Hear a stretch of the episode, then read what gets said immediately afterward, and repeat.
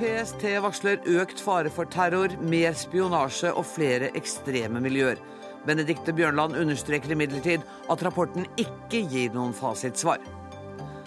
Regjeringen vil følge EUs klimamål og kutte utslippene med minst 40% innen 2030. Reaksjonene spriker fra jubel til harme i miljøbevegelsen. Han har vært medlem av selskapets konsernledelse siden 2003. I dag blir han sjef for hele organisasjonen. Statoils nye sjef Eldar Setre kommer til Dagsnytt 18.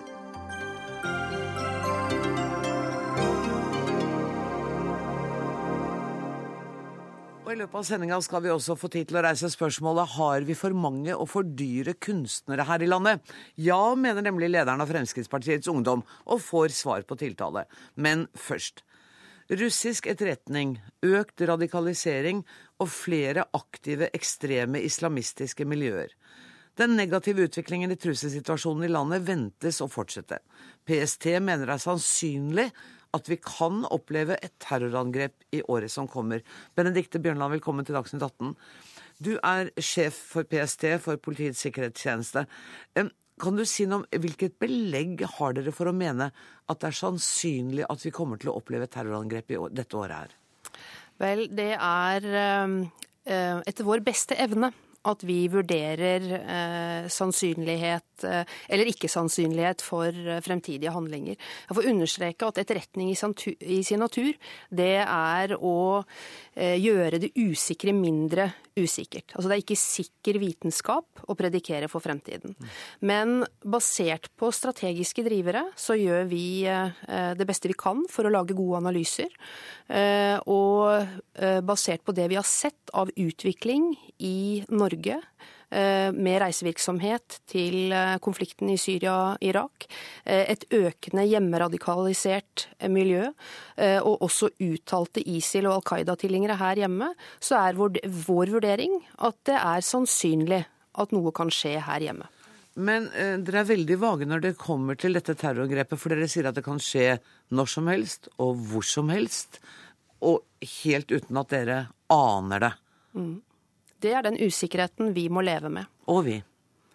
Beklager. Og vi. Ja. Vi, jeg trodde du mente vi i PST. Ja, det, Nei, du mente vi alle. Vi må leve ja. med den usikkerheten som samfunn. Mm. Um, vi gjør jo det beste vi kan for å forsøke å være i forkant.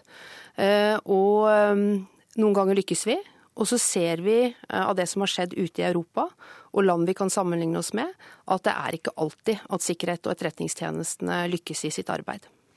Sist sommer så opplevde vi et voldsomt politioppbud fordi det var en konkret terrortrussel mot Norge. Konkret, men ubekreftet, tror jeg det var det ordet du brukte. Er det en situasjon vi skal være forberedt på å møte igjen? Ja, det tror jeg. Men eh, det er jo slik at vi i PST vi mottar ganske jevnlig den type tips og meldinger.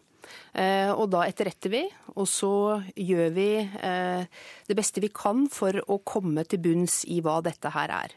Eh, en del ganger så viser det seg at det er uriktig plantet informasjon, det er falsk etterretning.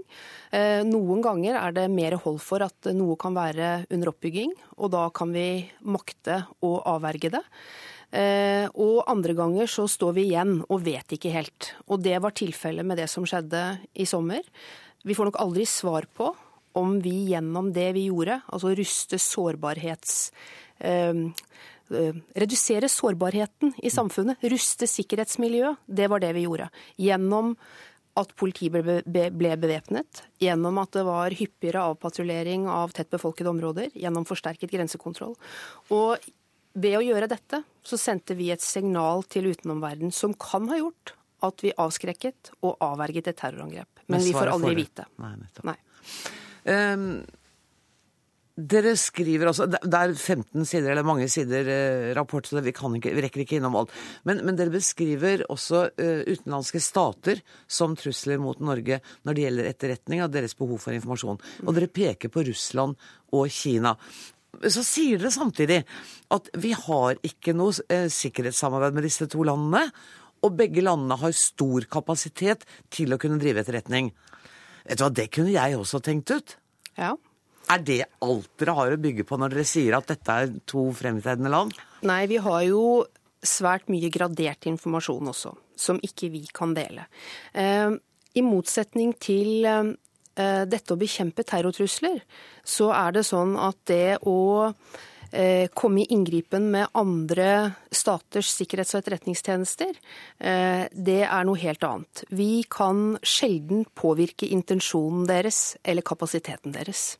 Så det vi må gjøre, det er å forsøke å redusere sårbarheten i landet. Så når vi går ut på denne måten, så er det en del av det å forsøke å redusere sårbarhet og gjøre samfunnet og alle samfunnsaktørene oppmerksomme på at vi er sårbare som samfunn.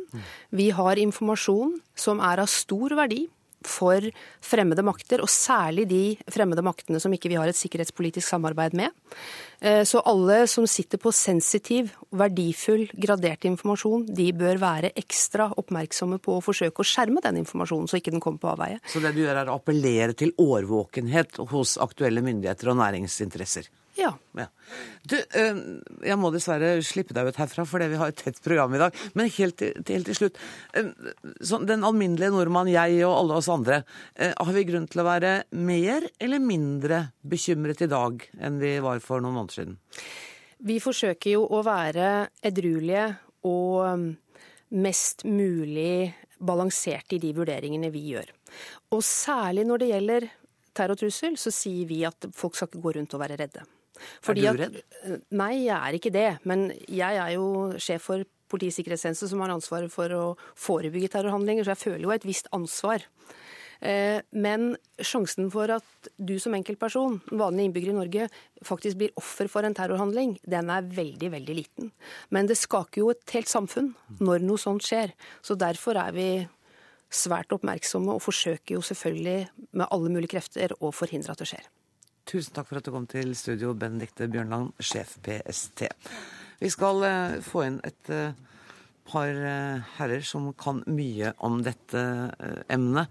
Fridtjof Jacobsen, politisk kommentator i VG. Trusselvurderingen som PST meddeler offentligheten, er noe av det minst interessante den hemmelige tjenesten produserer, sier du. Og det er jo ikke så rart, for det er klart at vi hadde vært mer interessert i å lese det som var hemmelig. Men den er vel ikke helt uten verdi? Nei, det har jeg ikke sagt heller. Eh, men jeg tror kanskje den hadde noe større verdi før. Eh, før 22. juli, eh, før Paris, før In Amenas.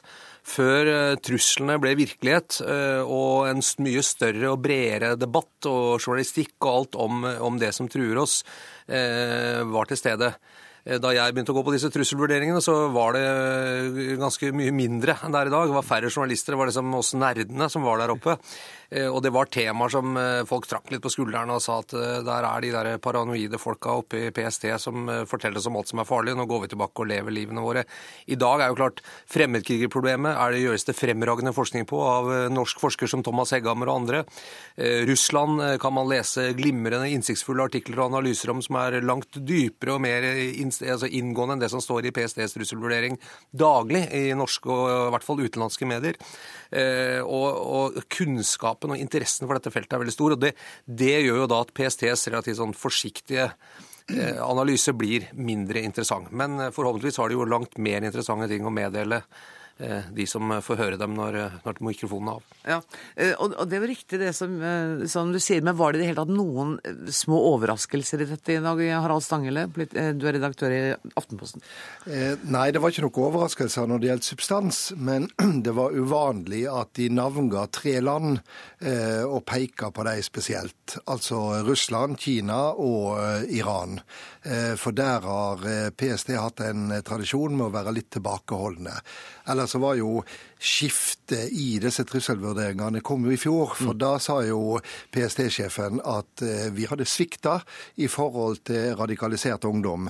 Inntil da så hadde en aldri snakka om radikalisering som en fare, men det skiftet kom i fjor, og det er jo understreka i år, og blir jo videreført i år. Ja, og hun sier også, det rakk ikke jeg å spørre om, men, men, i rapporten så står det jo også at det å uh, forebygge radikalisering er på en måte et felles samfunnsansvar. Det er ikke noe ansvar som PST har aleine. Nei, og det snakker jo alle om nå. Mm. Det er jo blitt nye mantraet. Men så, når en går bak eh, disse ordene, så ser en jo at det er betydelig uenighet om hva blir gjort, hvem skal gjøre det, hvem har ansvaret, hvor er pengene, hvor er opplysningene. Sånn at det er nok ikke helt rosenrødt, dette, dette dugnadsprosjektet som en forsøker å, å, å framstille det som. Kanskje også fordi at det er virkelig komplisert. og det er liksom ikke én eh, quick fix som er mulig å stable på beina. Men dere, kunne rapporten inneholdt noen flere opplysninger jeg merka at jeg ble litt skuffa da jeg leste den, for jeg syns det ligna veldig på det jeg leste i fjor. Det betyr bare at du er veldig opplest, Anne Grosvold. Tusen takk skal eh, du ha. Som truer oss. Nei, men det er klart, eh, Dette blir presentert i en politisk setting. Justisministeren er til stede. eh, Og det har alltid politiske implikasjoner. I dag er det litt sånn Å, de sa Russland. De sa Kina. Er, alle vet jo at Russland og Kina driver massiv etterretningsvirksomhet mot Norge, som alle andre land.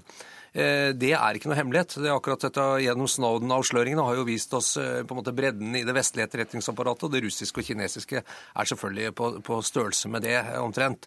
Men, men, det, men det, viser jo at, at, det har en politisk dimensjon. Det som jeg har skrevet litt om i dag, og som jeg har satt litt på spissen med å si at det er det minst interessante, er jo at eh, trusler som er kjent, er ganske, de kan være litt skremmende og farlige, men de er greie å forholde seg til. En etterretningstjeneste som skal De må Altså, de kan ikke tenke politisk. Hvis de holder tilbake på det som kan være farlig og truende fordi det politiske er vanskelig, eller fordi politikerne vil bli avkledd fordi de rett og slett ikke har noen svar på det, så blir den tjenesten en dårlig etterretningstjeneste, og da er vi ikke godt nok forberedt. Og Det som har skjedd i Vesten da, de siste årene, er jo at det har kommet veldig alvorlige angrep. 22. juli er et godt eksempel, som vi overhodet ikke var forberedt på. Det kan være mange gode grunner til det, men det var det. I Paris så ble Charlie Hebdo, som jo var et åpenbart terrormål, det visste alle, det ble ikke beskyttet fordi, så vidt vi har fått vite, disse to som angrep og drepte folk der, var besluttet nei, de var nok ikke så farlige likevel, vi holder dem ikke under oppsikt. 11.9 kom som et sjokk på amerikanske myndigheter. Russlands invasjon av Krim og Russlands aktivitet i Ukraina kom også som en stor overraskelse og har gjort at Vesten har sittet nesten et år nå og lurt på hvordan de skal respondere på det. Det er mange ukjente, mange trusler eh, som er vanskelig å forholde seg til. Og Når man hører disse trusselvurderingene, så får man liksom inntrykk av at ja, vi vet om alt, dette har vi kontroll på. Det politiske svaret er sånn noenlunde klart. Vi kan være litt uenige om frem og tilbake, men, men det kan gi en slags illusjon av falsk trygghet, da, tror jeg noen ganger. Fordi at det som virkelig er interessant å få opp på bordet, er jo det vi ikke har gjort noe med ennå, og som vi bør gjøre noe med ganske raskt. Ja, og Det som slike rapporter aldri svarer på, det er jo hvor gode PST er. Mm. Altså hvor god er vår etterretningstjeneste. Og, og det vil jo vi aldri få vite. Nei, det vil vi ikke få vite, fordi at vi vil jo også se der de svikter. Men vi ser jo ikke der de lykkes, nemlig å forebygge, nemlig å avverge. Det, så sånn sett så er det jo ei, imponerende at folk kan jobbe i så frustrerende tjeneste, ja. der, der alle feilene blir synlige, men ikke suksessene.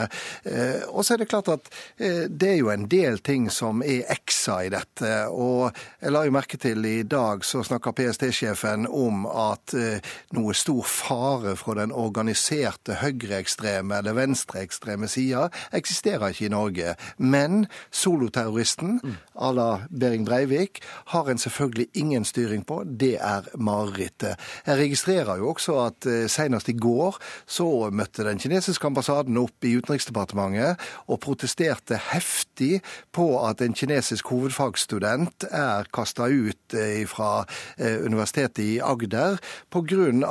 at PST mener vedkommende jobber med sensitive ting, noe rektor har protestert på. Så dette er jo ingen eksakt vitenskap, og det er lag på lag i dette. Sånn sett er all, alt det som har med etterretning å gjøre, det er som en løk. Du kan skrelle lag på lag. Du kommer ikke fram til kjernen. Nei, og det gjør vi ikke i dag heller. Så er det dere er nødt til å bedre gå. Tusen takk for at dere kom, Fridtjof Jacobsen og Harald Stanghelle. Dagsnytt 18 alle hverdager klokka 18. På NRK P2 og NRK2.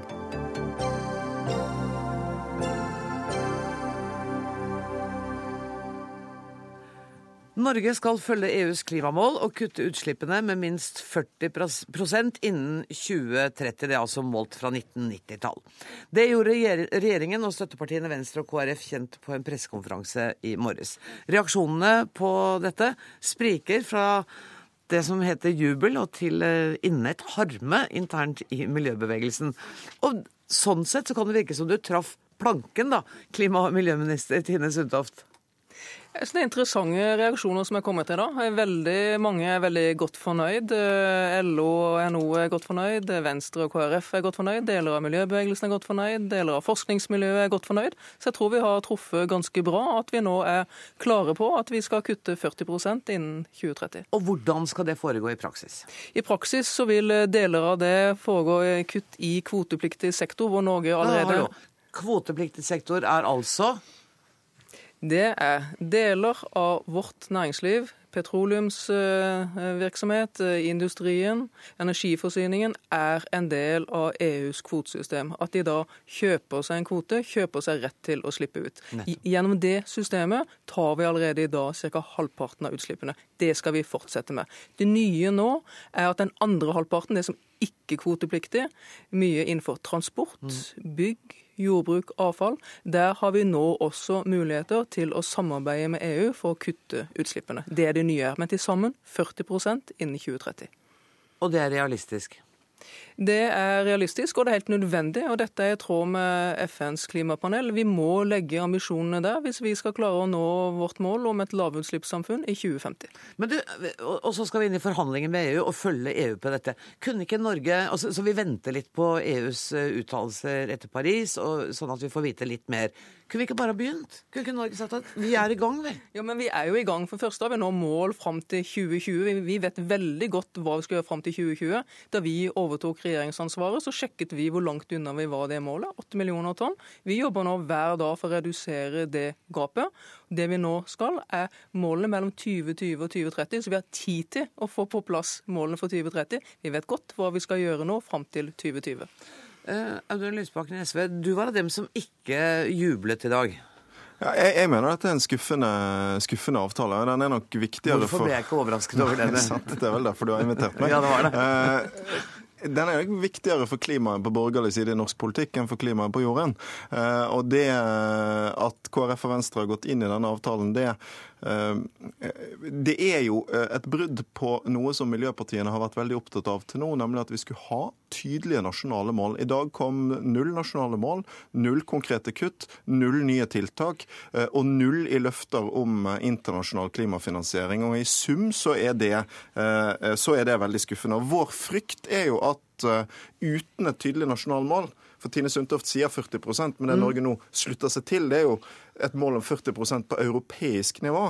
Spør du hva skal Norges utslipp være i 2030? 2030, så er svaret klokkeklart vet ikke. Er det det, Sundtoft? Er det det? Jeg klokkeklart vet ikke. Vi vet ikke per i dag, men dette skal EU avklare i løpet av 2016. Hvordan de skal fordele sine kutt blant sine 28 land. De blir Snittet er 30% Det betyr at de kommer til å fordele mellom 0 og 40. De kommer til å se på brutto nasjonalprodukt og kostnadseffektivitet. Altså, da vet vi at vårt mål ligger nærmere 40% enn 0. Dette kommer på plass. Ja, Og det er nærmere 40 enn 0. Men, men sånn, Da betyr det både at Norge skal gå til det viktige klimatoppmøtet i Paris uten et uh, tydelig nasjonalt mål. Uh, det er en fare for at regjeringen går inn i forhandlinger med EU med mål om å prute seg nedover istedenfor å øke ambisjonsnivået. Uh, og så er det unødvendig unødvendig. Fordi at vi er jo utmerket godt i stand til Vi sitter med ti kilo med utredninger om hva som skal til for å kutte norske utslipp. Vi vet hva som skal til for å kutte våre utslipp. Det er ikke nødvendig å la EU bestemme det. Vi burde istedenfor kunne sette oss sjøl et krystallklart mål og gå i gang med å oppfylle det. Og Vår store frykt er jo at mangelen på et sånt nasjonalt mål vil gjøre det vanskeligere å få til de dyreste og mest omfattende klimatiltakene hjemme. For det som også ligger, som Tine Sundtoft ikke sier nå, det er at det vil bli en mulighet for i større grad enn i dag dag å handle kvoter på et europeisk marked, som gjør at det blir lettere for Norge å prøve å kjøpe seg fri. Det mener vi er en dårlig måte å forberede Norge på framtiden. Ok, Nå la jeg ikke deg for ordet, Sundtoft, for du har allerede sagt at dere jobber knallhardt med å nå målene for 2020, og vi har tid til å vente på Parisavtalen før vi får vite nøyaktig hvor høyt vi skal ligge fram til 2030. Halstein Havåg du er fagsjef i Bellona. Dere gjorde noe så uhørt som å sende ut en gledesstrålende pressemelding i dag. Dere jublet over vedtak i den blå-blå regjeringen. Hva var det hva var du mest fornøyd med i dag? Det vi var fornøyd med i dag, var at eh, den norske regjeringa eh, velger å knytte seg opp til EU og EU sitt regelverk for å kunne kutte utslipp fram til 2030. Så du deler ikke utålmodigheten til Lysbakken? Altså Utålmodigheten på konkrete mål ligger der fortsatt. Men det som er poenget her, at vi tror eh, klokkeklart det her kommer til å forplikte Norge, uavhengig av regjering og storting, til tydeligere kutt enn det noe annet tidligere hva skal vi si, avtale på tvers har klart å gjøre. Hva, hva bunner dere denne tilliten i? Nei, Vi ser jo bare på hvor dyktig EU har vært til å nå sine egne klimamål også. Altså, eh, Norge slipper ut 5 millioner tonn CO2 mer nå enn i 1990. EU kutter sine klart. De har klart klare ambisjoner om å nå minst 40% totalt for hele EU i 2030. Men 40% kutt i EU eh, totalt betyr ikke nødvendigvis 40% kutt i Norge. Mm. Vi tror ikke at Norge kommer til å få noen lettelser i antrekk her når det kommer til å kutte innenlands. Vi tror helt åpenbart at Norge blir pålagt sterke krav, også fra EU, i ikke-kvotepliktig sektor. Får, vi, dette har vi snakket om mange ganger i dette studio, og jeg får ofte en sånn litt eh, fjern følelse når vi snakker om det. at det, på, Jeg tenker at det angår gudskjelov ikke meg. På hvilken måte skal jeg merke dette? Måten du skal merke det på, er jo først og fremst at uh, vi tror de norske regjeringene framover, og også fram 2020 til 2030, kommer til å måtte være tydeligere. Det må være et karbonbudsjett på plass. De må rapportere inn uh, nasjonale ambisjoner og årlige kutt. Du har ikke sagt ett ord nå som gjør at jeg føler at dette kommer til å angå meg. Karbonkutt og alt det der. Hva, hvordan skal jeg merke dette? Det, altså Måten du merker det her på, vil jo at det må komme en omlegging i det norske samfunnet fram til et lavkarbonsamfunn og et karbonnegativt samfunn, som Bellona har kjempa for i mange år. Og Det må gjøres med målretta tiltak, også i eh, kvotepliktig sektor. Men jeg tror nok helt sikkert at dette er starten på en dialog som bitte oss til masta i mye større grad. Og så må det komme tydelige virkemidler både i industriell sektor og andre plasser. Du skal få ordet, Lysbakken. Jeg skal være til Zero først, Marius, om du er daglig leder der. Og dere var ikke så fornøyd som Bellona var i dag. Hva var det som irriterte dere mest? Ja, det er veldig, Jeg er litt overraska over at Bellona er så fornøyd. fordi Bellona har jo i likhet med oss vært eh, i fronten for å hindre at norske utslipp øker. Og, og eh, sørge for at vi ikke bygger nye, store eh, anlegg som skal øke utslippene i mange mange tiår framover. Men med dette målet her, så, så, er det ingenting som hindrer Norge å gjøre det. Er det ikke det? nei, det er, eh, så, det er så mye fleksibilitet i dette målet. Altså 40% kutt, ja vel. Det er altså, vi kan betale for 40% kutt. Så hvis f.eks. Statoil eh, finner på et prosjekt som eh, er fryktelig lønnsomt, og som forurenser mye, så står det helt fritt å gjennomføre det. Det er ingenting som kan hindre det i, det, i, det, i dette klimamålet. Helt teoretisk og hypotetisk, kan Norge betale seg ut av alle kuttene? Ja, det er jo sånn at i Regelverket i dag i EU åpner for at man kan eh, For det første har du kvotesystemet, hvor industrien kan kjøpe kvoter istedenfor kutte utslipp. Det, det jo, vil jo gjelde fortsatt. Og i eh, andre sektorer, sånn som transport, så, så er det i dag sånn at eh, hvert enkelt EU-land kan gjennomføre tiltak, betale for tiltak i andre EU-land hvis de ikke klarer å nå sine egne mål. Så er, ikke foregrep transport, for det skal vi snakke om etterpå. Så, ja, så, men, så men bottom line så er det i dette målet her ingenting som binder oss til masta. Her, det er kun en forpliktelse til å kjøpe kvoter av forskjellige typer for å nå vårt klimamål. Det kan tenkes at det kommer et nytt regelverk i den neste perioden i EU som er mindre fleksibelt, men det er lite som tyder på det. fordi alle EU-land vil ha en sterk interesse av å ha fleksibilitet, for de ønsker ikke å binde seg til massa, de heller. Og det, det vi gjenstår da, det er at vi drar til Paris uten og fortelle hvor Norge skal være i 2030, hvor langt vi skal komme mot lavutslippssamfunnet, hvor mye vi skal forplikte oss til å kutte. Det Sundtoft mener at EU skal fordele dette mellom medlemslandene ja, og oss i forhandlinger. De fordeler en byrde for hvor mye man skal ta ansvar for, men ikke hvor mye man skal gjennomføre selv. Dersom man syns det er fryktelig dyrt og vanskelig, så slipper man. Da kan man betale for det i andre land. Sundtoft, hjelp meg å oppklare ett punkt her. Er det riktig at vi kan kjøpe oss ut av all reduksjonen ved å kjøpe kvoter? I realiteten kommer vi ikke til å kunne kjøpe oss ut av, av alt det vi skal gjøre her. Men eh, men at, at, det ligger noen byrdefordeling, at det går an å fordele dette mellom EU-landene, det er jo et fornuftig prinsipp. Mm. Men at vi kan kjøpe oss fri? Nei. Vi skal kutte i Norge, men vi får også tilgang til å samarbeide med andre europeiske land for å, å få dette her til på en fornuftig måte. I dag har Hydro Karmøy fått tillatelse til eh, ny aluminium, eller fra ESA har sagt at det er greit at de får støtte på nesten halvannen milliard til å utvikle pilotanlegg på Karmøy, Mhm. det å produsere verdens reneste aluminium i Norge. Da kan vi risikere at vi øker noen av utslippene i Norge. Ja. Men hvis det er bra globalt at vi produserer ren aluminium, er det ikke da lurt Å kunne nå bidra til kutt i andre land? Dårlig Det, det er nettopp den fleksibiliteten vi er opptatt av. Men at vi skal kutte i Norge, det skal vi. Jeg tror herrene her brenner av. Vær så god, Lysbakken. Det avgjørende spørsmålet er gjør vi nå noe som bidrar til økt press for å få ned utslipp i Norge, eller gjør vi det ikke? Og Det henger litt sammen med det her. Altså, Skal vi gå ut til befolkningen og si nå er det tid for blod, svette, tårer, konkrete tiltak? Ja. Tiltak som du forstår, som Ja. jeg forstår, som folk kan engasjere seg i? Eller skal vi si nå skal kvotemarkedet på et eller annet magisk vis løse dette? Eh, Og Det er faktisk ganske viktig. For hvis vi skal mobilisere folk til å gjøre noe, så kan vi ikke ha denne her tåkete løsningen som ingen skjønner noe av. Og grunnen til at ingen skjønner noe av, eh, av det, er jo at forpliktelsene ikke er klare. Fordi det vil bety at vi kan kjøpe oss fri. Dette blir jo solgt inn i dag som det store oppgjøret med kvotesystemet. Så får vi istedenfor en løsning der vi i større grad vil kunne få en strategi for å, å kjøpe oss fri. Bare se Point Carbon, som er det miljøet i Norge som, som kan dette med kvotemarkedet kanskje aller best, de sier veldig tydelig i dag dette vil føre til mindre press på å gjøre reduksjoner i Norge. Mm. Det er the bottom line, og det er derfor eh, ganske mange miljøer som ikke har så mye interesse av å få tøffe miljøkrav på seg i Norge, er fornøyd i dag. Havang. Ja, Det her er vi altså uenige i. Det her er svartmaling av situasjonen. Når vi knytter oss til EU på den måten her, så er det jo teoretisk mulig å gjøre det her. Men det som er faktum, og som vi er overbevist om, at det kommer til å komme også tøffe krav til Norge, til kutt innenlands. Og det er vi nødt til å følge opp på en annen måte enn det vi har vært. Nå har vi bare tatt lovnader for oss sjøl, og så kommer det en ny regjering, og så blir det endringer på det. Jeg tenkte de siste Ja, sekundene til Marius Det blir jo ønsketenkning som eh, Bellona har her, fordi det forutsetter en total endring av regelverket, og det er ikke i EU-landets interesse nødvendigvis å gjøre det. Så vi har i praksis ikke noe press på oss. Jeg tror Tine Sundtoft har gjort en glimrende jobb med å lure med seg Venstre og KrF på dette her. Ja, det tror vi ikke på. Tusen takk skal dere ha. Mine herrer, dere må gå. Tine Sundtoft, jeg vil gjerne at du sitter her litt til, og så skal vi bli enda forsøke å bli enda mer konkrete.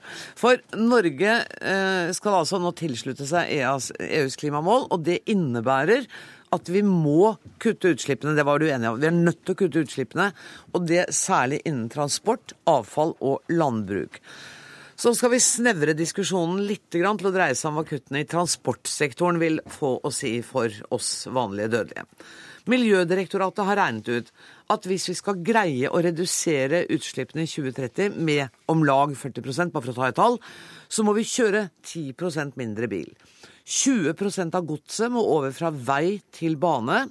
Og vi må blande inn 40% biodrivstoff i bensinen og dieselen til båter. Em, er dette noe vi kan leve med, Tine Sundtoft?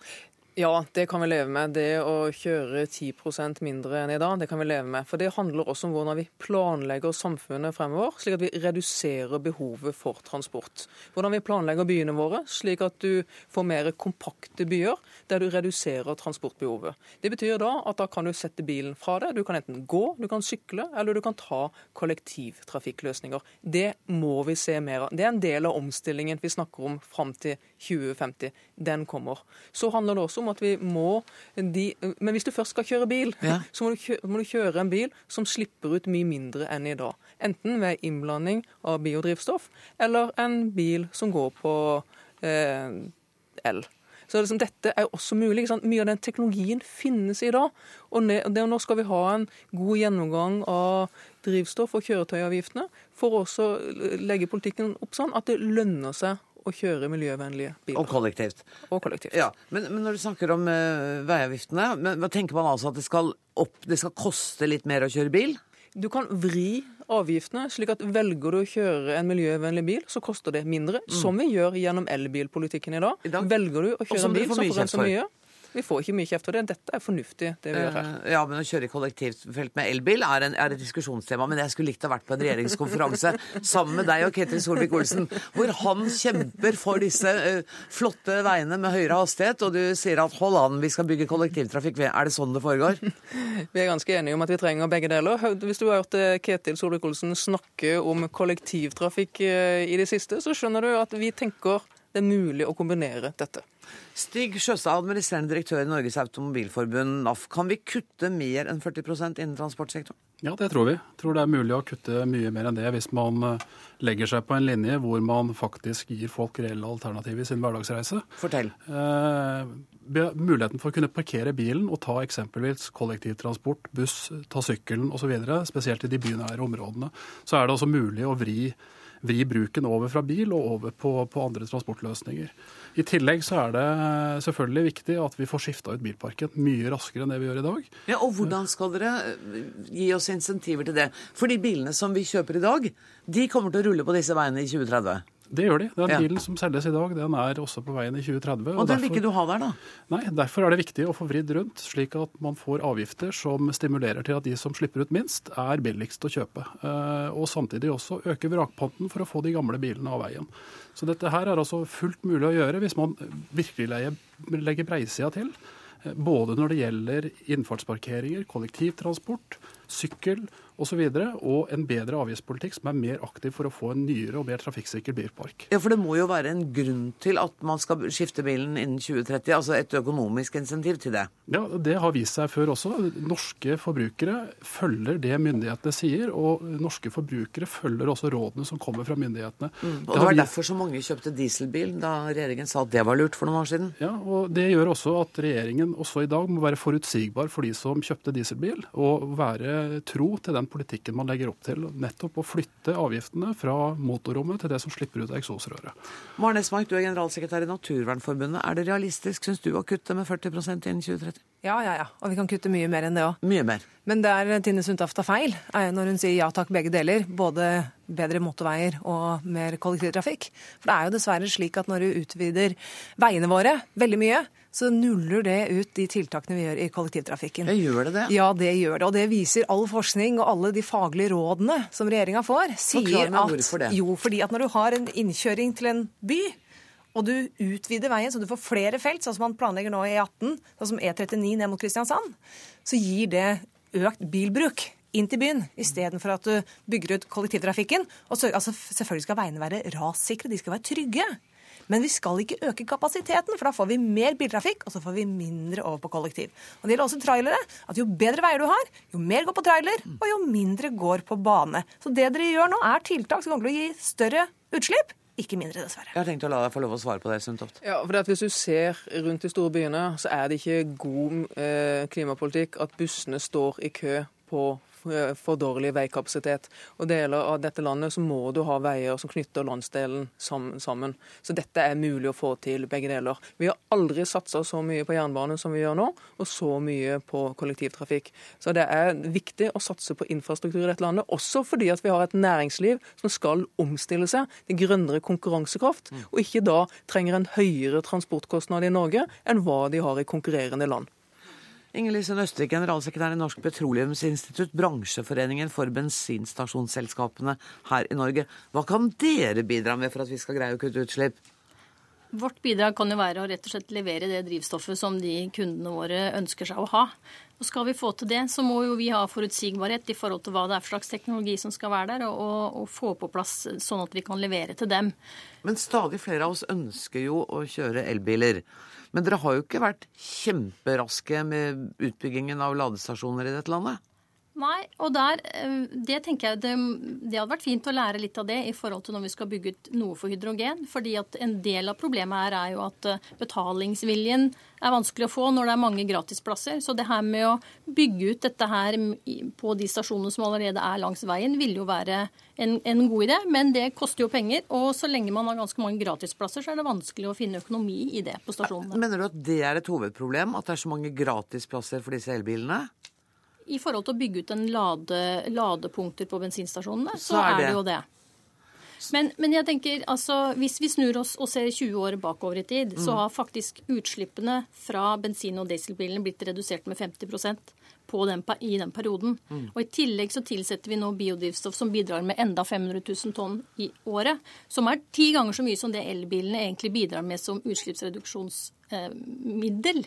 Så jeg tenker at eh, det er mye som kan skje også på de neste 20 årene. Men du, hvor lykkelig er vi egentlig over denne bruken av biodrivstoff? Er ikke det i og for seg mat i en eller annen form uansett? Kan jeg få svare på det først? Ja, du kan få lov å svare først, så skal vi ta fra forbundet på det helt i orden. Fordi altså, vi, Førstegenerasjons biodrivstoff er jo liksom ikke veien rett opp i himmelen. Det er vi, vi er enig i det. Og det finnes heller ikke noen bro over til nivå to. Jo, jo, det gjør det jo. Altså, poenget er jo at du må kunne krabbe før du kan gå. Så ved at du etablerer et marked, så får du nå også nye tilbydere som lager andre generasjon, altså som ikke produseres av mat. Så, så jeg tenker at det er viktig å stimulere teknologiutvikling breit og ikke velge en vinner i dag, for vi vet ikke hvem det blir. Og hvis man gjør det i en forutsigbar ramme, så er det mye lettere for oss som skal investere, å gjøre de riktige investeringene. Det skjønner jeg, men det, jeg føler at jeg er nødt til å minne dere på at det er bare 15 år dere har på dere, og det er ikke mye tid når det gjelder å skulle finne fram ny teknologi osv. Er vi i rute her, føler du? Altså Nå var jeg på Transnova-konferansen forrige uke. Ja. Der sa jo Toyota at de har en hydrogenbil som de nå snart masseproduserer. Og hvis vi, eh, hvis vi bygger ut hydrogennettet litt sånn eh, ved hjelp av å bruke flåter og bygge ut litt og litt, og ikke skal bygge ut én stasjon på hver en, eller en hydrogenpumpe på hver stasjon med en eneste gang, så tenker jeg at da er det jo mulig å utvikle dette litt sånn steg for steg. Esmark, er det litt lysere enn du egentlig hadde trodd? Jeg er ikke helt enig i alle virkemidlene her. For det Nei. første så tenker jeg at det viktigste man kan gjøre, er å sette opp eh, bensinprisene. Det er kjempeenkelt, og det er så effektivt. Da får du faktisk gjort noe med bensinbruken eh, veldig raskt. Og det er som du sier, vi har bare 15 år. Og det gjelder biodrivstoff bare se at du rister på ja, det, når det gjelder biodrivstoff, så er det, det er en avsporing. Ja, det kan brukes litt, eh, men akkurat de planteråstoffene bør nok være mat, og det kan brukes i tekstiler og andre ting til å erstatte oljeprodukter. Eh, Ikke nødvendigvis som drivstoff det mest effektive. Kan ikke jeg bare ta det der med bensinpris sjøstav opp? Jeg, jeg tenker som så at uh, Behovet for mobilitet i framtiden skal vi kunne tjene noe penger i dette landet, som også skal bidra til miljøstimulerende tiltak, så må folk forflytte seg. Og I den sammenhengen så er altså de tiltakene rundt å, å, å skru igjen krana på den måten, det er, ikke, det er ikke veien å gå. Her må man også tilrettelegge. Uh, Denne pekefingerpolitikken fra bl.a. Naturvernforbundet, det har vi sett i veldig veldig mange år. Nå må man også snu seg rundt og tilrettelegge. Og, og poenget er, vi har dårlig tid. 15 år er ingenting. Ikke mye tid. Vi må få Men du sa da i Ja, stad at vi skal tilrettelegge med kollektivtrafikk og sykkelstier og tog og båt. Hvorfor kan ikke da bensinprisene gå opp litt? Det viktigste er å få stimulert til at vi får flytta folk over på andre transportmidler. Eh, Og, en Og det sånn- gjør du jo hvis du hører bensinprisen. Jeg tror heller man gjør det ved å ha et tilbud som folk kan bruke i sin hverdag. I dag så er det faktisk slik at eh, går du fra bil over på kollektivtransport, så bruker du i snitt eh, 19-20 minutter lengre tid på å forflytte deg til jobben. Eh, det gjør at folk velger bilen. Er det bedre frekvens på, eh, på kollektivsystemene, så velger folk kollektivtransporten. Eller hvis det er dyrere å, å kjøpe bensin, Nøstvik. Altså det, det der å si at å øke bensinprisen er et veldig effektivt virkemiddel, det er ikke det. Altså det, Den elastisiteten der viser at det er ikke noe eh, særlig stort poeng å skru opp den prisen, for folk kjører ikke bil fordi de ikke har noe annet å drive med, det er fordi de har et transportbehov. Så jeg er veldig enig med, med Sjøstad i det, altså. Ja, vi må men gjøre begge deler. Vi må gjøre begge deler. Og når jeg som Tine Sundtoft sier at vi trenger å bygge ut motorveiene våre fordi vi skal ha kollektivfelt, mange steder så er det helt feil. altså. Det handler bare om å gjøre om de feltene som er der i dag, til kollektivfelt, så har du løst det problemet for bussen. Uh, Tine Sundtoft, man kan ikke unngå å tenke at man er glad man ikke er klimaminister i dette landet. men, men, hva, men klarer du å holde tunga rett i munnen og liksom holde fast til hva, hva du tenker fortsatt etter å ha hørt disse tre? Ja, jeg gjør det. Det jeg også hører rundt bordet her, er at vi har teknologi i dag til å få dette her til. Det er mulig å redusere mye mer innenfor transport. Og, og, og, og så gjelder det jo her også, men liksom, det, det som er dumt, er når vi debatterer at det blir sånn enten-eller. Ja. Dette er mulig å få til både òg. Og det er den enten-eller-debatten som skremmer folk til å være med på denne omstillingen. Vi skal legge til rette for kollektivtrafikk, men i noen deler av landet så må du nødvendigvis kjøre bil. Men da må vi passe på at den bilen slipper ut mye mindre enn i dag. Det har vi teknologi til å få til, og da må det stimuleres gjennom politikken. Du skjønner at både og blir ofte litt kjedelige debatter, altså derfor så tar vi litt enten-eller. Men jeg avrunder her. Tusen takk for at dere kom, Tine Sundtoft, Stig Sjøstad, Maren Esmark og Inger Lise Nøstvik. Og nå skal vi bare bytte litt eh, stoler her. Inn i studio kommer Magnus Takvam. Regjeringen har altså satt felles mål med EU og skal kutte klimagassutslippene med Det var ikke helt sikre, men opp mot 40% innen 2030. Hvorfor gjør regjeringen det på denne måten? Det er i hvert fall eh, et overraskende grep.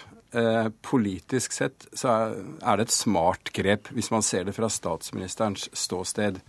Det hun i hvert fall oppnår, er å få eh, de si, tradisjonelle miljøpartiene, Venstre og KrF, med på laget.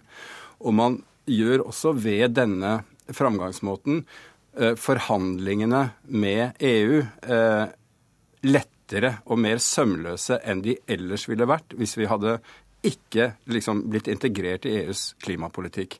Da måtte vi Bl.a. for å definere et nasjonalt mål som vi skulle komme til Paris med. Mm. Ha snakket med EU om hvordan skal vi beregne de utslippene, reduksjonene som kommer i denne kvotepliktige sektoren der industrien er. Hvordan kan vi bokføre det som reduksjoner i Norge? Det ville vært en veldig skal vi si, krevende øvelse. Men så er så selvfølgelig prisen for det hele at de som er mest opptatt av å ha et klart definert nasjonalt mål for de totale utslippene i den totale norske økonomien, mm. De får ikke noe ordentlig svar de gjør på ikke det. det. Nei, de gjør ikke det. Men, men du sier at uh, nå har statsministeren gjort et grep ved å få mm. Kristelig Folkeparti og Venstre med på noe. Har det vært helt uten omkostninger for Kristelig Folkeparti og Venstre, dette? Nei, altså Jeg tror uh, Jeg vet at uh, de gikk noen runder med seg selv. Skal vi bli med på dette? Hva er det totale regnskapet? Mm. Da tror jeg mange ting var tatt inn i vurderingen. For det første, det har vært veldig mange konfliktsaker mellom samarbeidspartiene altså, og regjeringen i det siste. Er det lurt å nok en gang ta det? Er saken uh, stor nok for det? Nei. Det var én vurdering. Mm. Den andre er ja, vi kunne ha ventet til man kom i Stortinget og allierte oss med de andre miljøpartiene og presset fram en mer ambisiøs avtale. Da tror jeg én eh, måte å tenke på fra dem har vært at hvor lurt er det å eh, drive det en del da mener er symbolpolitikk på den måten, fordi man har jo sett at Norge i mange sammenhenger Eh, fremmer eh, ambisiøse mål uten å innfri forpliktelsene. Men eh, det var ingen åpenbar på en måte sak for disse to partiene, kanskje særlig Kristelig Folkeparti, å, å bli med på det. Så jeg tror Erna Solberg er veldig fornøyd. Jeg skulle til å si Det er i hvert fall en liten seier for Erna Solberg. Tusen takk for at du kom, Magnus Takam.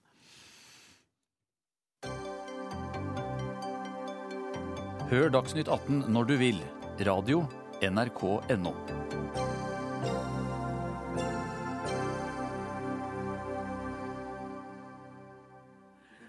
I dag fikk Statoil ny toppsjef. Eldar Sætre har vært konstituert konsernsjef siden oktober og tiltrer umiddelbart. 58-åringen er siviløkonom fra Norges handelshøyskole og har 35 års erfaring fra en rekke jobber i Statoil og olje- og gassindustrien. Det er første gang i Statoils historie at selskapet finner ny konsernsjef internt. Eldar Sætre, velkommen til Dagsnytt 18 og gratulerer. Takk skal du ha. Takk skal du ha. Du blir altså sjef for er det ca. 23 000 ansatte. Ja, har du tatt det innover deg? Nå har jeg jo hatt en, en, en, periode hvor jeg har hatt muligheten til å tilpasse meg. da, så Jeg har jo fungert som konsernsjef nå i tre og en halv måned. Og så har jeg jo vært en del av konsernledelsen og sett hva det innebærer å, å være i ledelsen av et stort selskap i nokså mange år. Så jeg, jeg, har vel en rimelig godt begrep om hva det, hva det, faktisk innebærer. Men du, for tre og en halv måned siden så sa du at jeg er ikke aktuell til stillingen på permanent basis. Jeg kan gå inn og gjøre et skippertak. Og da er jeg så nysgjerrig på å vite hva konkret hva var det som fikk deg til å ombestemme deg? Ja, eh, det er et veldig godt spørsmål. Og, Vet du det? og, og, eh, det er vel slik at jeg må bare si da jeg, da jeg sa at det var, det var, ikke aktuelt for meg, så mente jeg det. Det var eh, jeg fast bestemt på. Jeg har sett på nært hold hva denne jobben innebærer gjennom, gjennom mange år. Men så er det sånn det, det å faktisk være i jobben og, og ha den opplevelsen og, og, og, få med seg de erfaringene, det har gjort noe med meg. Så, så både opplevelsen av å, å bli inspirert og, få energi, og ikke minst ha en følelse av at man faktisk får brukt eh, den kompetansen man har. Og, og, en følelse av at det faktisk er til nytte for, for selskapet, det er en veldig god følelse. Og, og har, jeg har fått veldig god støtte også fra organisasjonen eksternt, og det har også hjulpet meg. Ja, det, og fra fagbevegelse alle som vi har snakket med i dag, syns at uh, å velge deg var, det var fornuftig, og det var et godt valg. Men du, Du kunne jo på en måte nesten ikke gått inn i denne jobben i et vanskeligere tidsrom. For det, dere står også overfor Vi har snakket om klimaendringer her i dag. Statoil står overfor voldsomme strukturelle endringer. Går det an å spørre deg hva er det første du vil ta fatt på? Ja, det er, det er, helt riktig. Vi har, vi har hatt en, en, ganske galopperende kostnadsutvikling i industrien. Og så toppet det seg med et betydelig halvering av oljeprisen. Mm. Så det er klart, setter man det sammen, så er det jo en, en, en enorm utfordring vi har, vi har i bransjen. Mm. Uh, for meg dreier dette seg om å, å, å redusere kostnadene. Vi, vi, må bli mer bærekraftige. Vi må øke lønnsomheten innenfor olje- og gassvirksomheten. Og, og det er min, min, første prioritet. Ved siden av det å sikre at vi faktisk kan ivareta trygghet rundt våre arbeidsplasser og sikker og effektiv drift. Selvfølgelig til enhver tid den, den, den, høyeste prioriteten. Men se, Har du allerede begynt å se på hvor du kan skjære ned, hvor du kan si opp folk? Ja, Vi har jobbet med et, et, et kostnadsprogram, bredt og dypt kostnadsprogram, gjennom, gjennom, gjennom, ganske lang tid. Eh, og det går alt fra de kommersielle områdene til de administrative og på det tekniske. Og, og det satte vi i gang lenge før oljeprisen begynte å falle. Heldigvis. Så vi har på mange måter et forsprang. Eh, og det kommer vi til å jobbe intenst med i, fortsatt i, i, lang tid, eh, i lang tid fremover. Og så skal dere omstille dere også til en grønnere hverdag. Altså Nå er vi vel ute av tjæresand, er ikke det? Vi er ikke ute av tjæresand. Vi har nei. Eh, fortsatt en produksjon der. Ja, Men den er redusert, ikke sant? Den, eh, den, er redusert. Vi har solgt oss ned, og vi har også besluttet å, å utsette en nokså stor investering som vi hadde planer om, og utsatt den i, i hvert fall i tre år. Hva er din store ambisjon for Statoil som selskap når det gjelder å være et bærekraftig selskap med lavere oljepriser, med eh, reduserte kostnader? Ja, Vi er jo et olje- og gasselskap, så vi, eh, vi, produserer olje og gass. Og det er jo en del av uh, årsaken til de klimautfordringene vi har i verden. Det tar vi inn over oss. Og, og, det betyr at vi også må i større grad være en del, av, uh, en del av løsningen. Så det vi kan gjøre, det er jo å bidra til å produsere olje og gass på en mer bærekraftig måte. Og da må vi inn i prosessene våre, se på de utslippene vi gjør i prosessen, og, og se til at vi faktisk da produserer og bruker minst mulig energi i produksjonsprosessene våre. Dette er en sånn eh, hyggelig dag hvor du har sikkert fått mange hilsener. Og så kommer det jo tøffere dager. Hva slags sjef vil du være utad overfor oss i pressen? Vil du være tilgjengelig eh, også på de litt tunge dagene hvor kritikken hagler mot deg? Du, Jeg er fullt ut innforstått med at det, det, blir tunge dager, det blir hyggelige dager. Det er en del av denne, denne, denne jobben. Og, og, jeg må, må hva skal jeg si, stå i front for selskapet i, i, i, i regnvær og i godvær. Så det er jeg det er innstilt på. Har du lyst til å si nå hva som er den største forskjellen på deg og din forgjenger? Du, det, det, har jeg faktisk ikke tenkt å gjøre. Det er et spørsmål jeg har fått mange ganger i dag. Jeg viker unna det. Fremtiden er, eh, har helt andre utfordringer enn det fortiden hadde. Så, og jeg har ikke noe behov for å markere noen distanse på noen måte i forhold til Helge. Så, så det, det, mest åpenbare kan dere vel kanskje se. Ja, men, men, du, kan jeg få lov å stille deg et litt uh, personlig spørsmål? Er det sånn at å være uh, konsernsjef er at du er at du jobber 24 timer i døgnet, og her, fra nå har sagt nei til alt som heter private interesser? Uh, jeg kan vel si det sånn at du er faktisk på på en måte. Sånn er jo dagens virkelighet. at Som leder så er man koblet til det som skjer, uh, hele tiden. Og det er 24 timer. Men det er klart det er viktig å få noen, uh, noen pauser og noe rom inn i dette. De Hva man, gjør du da? Uh, da jeg, jeg, gjør ikke noe veldig spennende ting. Gå på ski men, eller noe sånt? Nei, jeg, jeg, gjør litt av det. Jeg, er veldig opptatt av fotball. Mm. Og, og, favorittlaget? Vi må ja, det, bare runde av med noe litt, ja, litt tøysete. Ja. Nei, det er jo faktisk Jeg er ganske kjedelig på mange måter, men det å holde med Brann er jo ikke kjedelig kjedelig. Så, så, det er vel det jeg kan Brann og Liverpool, så, så, det er vel mine to, mine to favorittlag, da. Du skulle vite hvor få mennesker som har sittet i dette studioet og sagt jeg er ganske kjedelig. Men det var morsomt å høre deg si det. Tusen takk for at du kom, Eldar Sætre. Takk skal du ha. Inn kommer Trond Omdal, som er oljeanalytiker i Pareto Securities og du har jobba i Statoil. Du kjenner Eldar Sætre? Er han en kjedelig mann? Han sa det selv, det er derfor jeg spør. Uh, han er en svært hyggelig mann. Første gangen uh, jeg traff han var på ledersamling i 1994 i Ulvik, da vi spiste smalahove, og da var han riktig underholdende. Så uh, jeg vil ikke si det. Er han riktig mann for Statoil nå? Det er han absolutt. På hvilken måte? Han kjenner, har vært i organisasjonen fra bunnen av. Han har vært med på alle investering, viktige investeringsbeslutninger, gode og dårlige, de siste ti årene. Uh, og du òg kom i en fase der du eh, konsolidering og optimalisering, kostnadskutt eh, og effektivisering er viktig, ikke disse nye høydedragene. Og da er han riktig, eh, riktig mann for selskapet. For man kunne jo tenkt seg at man hadde lett etter en mann som var i hvert fall ti år yngre. Han er 58 år. Jeg mener det er bra at du får en mann eh, som eh, eh, på, på slutten av karrieren eh, ingen- Ikke å si noe stygt om Helge Lund, men du kom inn som 42-åring, kan egentlig ikke så mye om bransjen. Og så blir du kommet inn med fallskjerm, og så skal du løse ting. Det er mye bedre å kunne dette fra bunnen av. Og kjenne organisasjonen, kjenne bransjen. Da vet du løsningen er mye bedre fra dag én. Og Setre kan virkelig organisasjonen.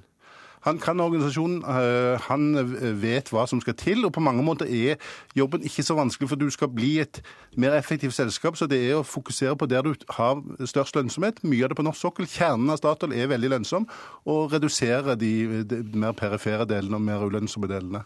Man var jo helt åpen på at øh, Statoil står i en voldsom omstilling nå, liksom, både med at man må ha økonomiske innsparinger uansett, og så de fallende oljeprisene. Var grunnlaget for den omstillingen allerede lagt av Helgelund?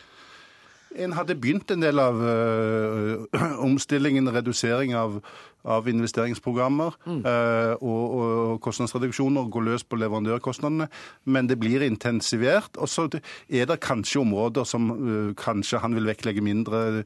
øh, ane at det er litt mer fokus på norsk sokkel. Kanskje at du ser på strukturelle løsninger i f.eks. Nord-Amerika. Litt mindre fokus på, på oppkjøp i Nord-Amerika og internasjonalt på de nærmeste årene. Er Statoil på vei ut av øh, oljesand? Eh, Oljesand er Han sa de hadde satt det på vent litt til noen nye investeringer. Oljesand er, er ikke spesielt lønnsom på disse. Det, det er høyt, veldig høyt på kostnadskurven. Statoil ser ikke det som et satsingsområde, så, så det er ikke sikkert det blir mer investeringer. Eh, hvorvidt de vil selge seg ut. Eh, akkurat nå er ikke det tidspunktet fordi det er veldig lave priser, men eh, det, det større spørsmålet er kanskje skifervirksomhet i USA, hva, hvor, hvor, hvor byen skal satse der. Vi får eh, la mannen få en sjanse og se hvordan det går. Tusen takk for at du kom, Trond Omdal, oljeanalytiker i Pareto Securities.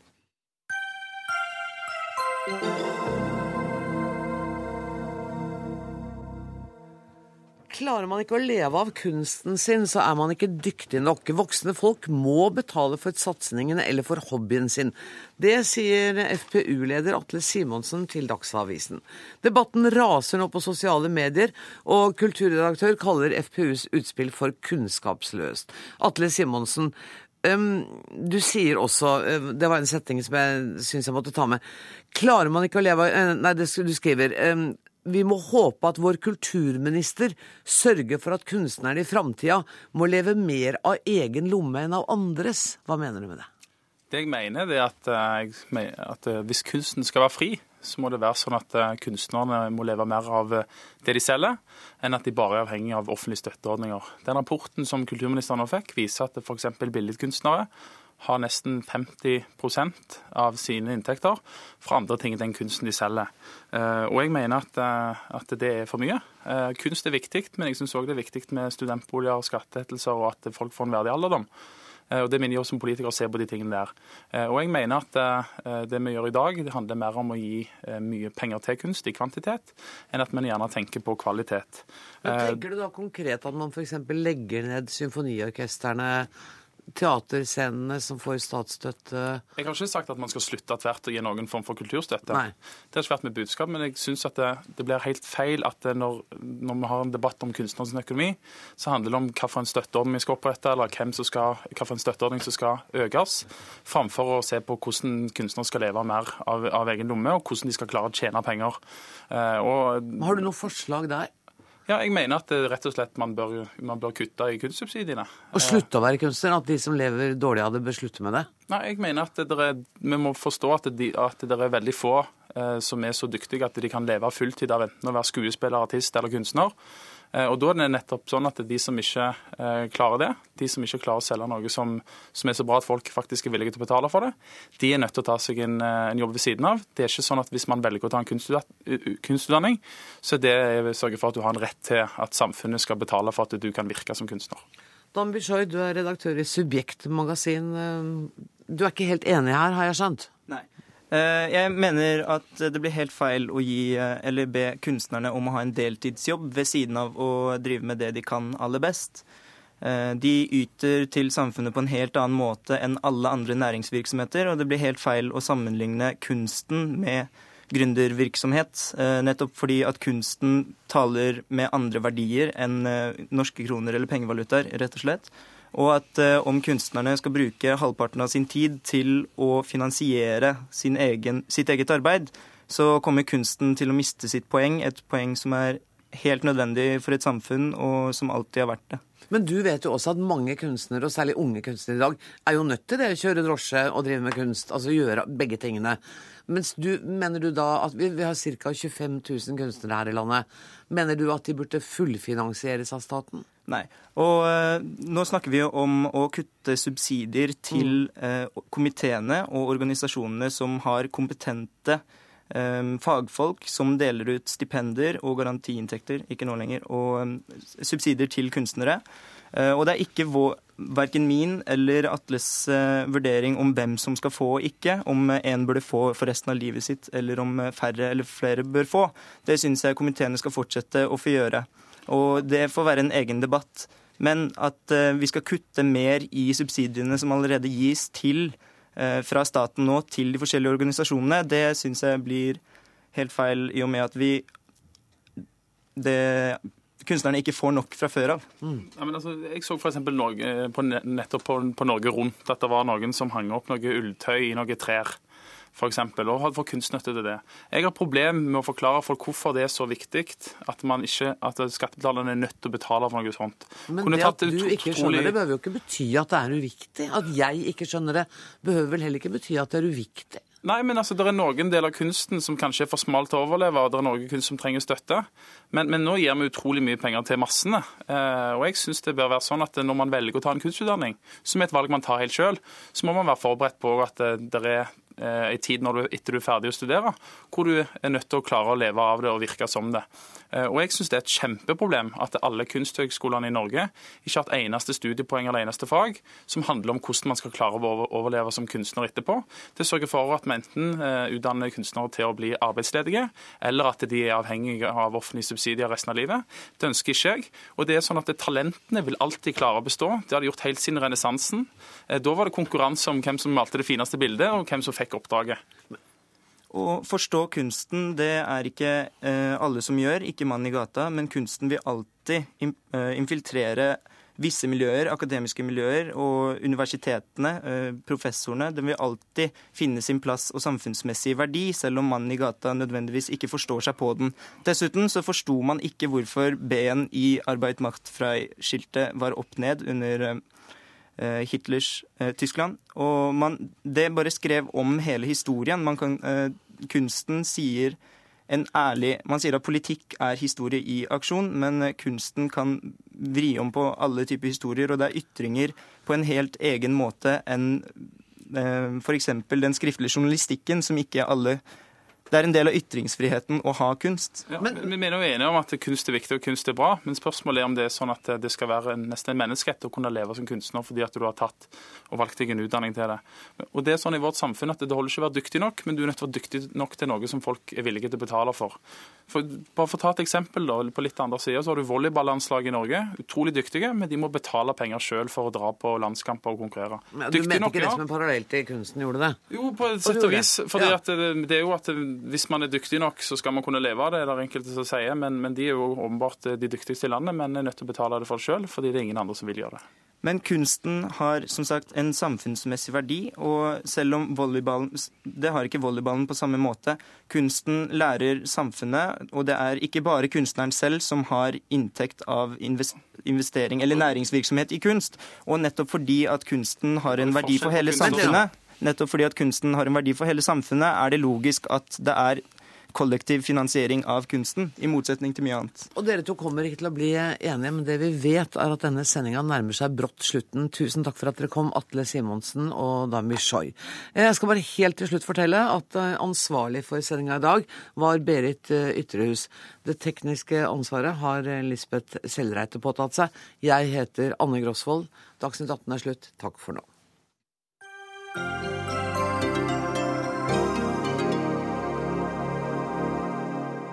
Hør flere podkaster på nrk.no podkast.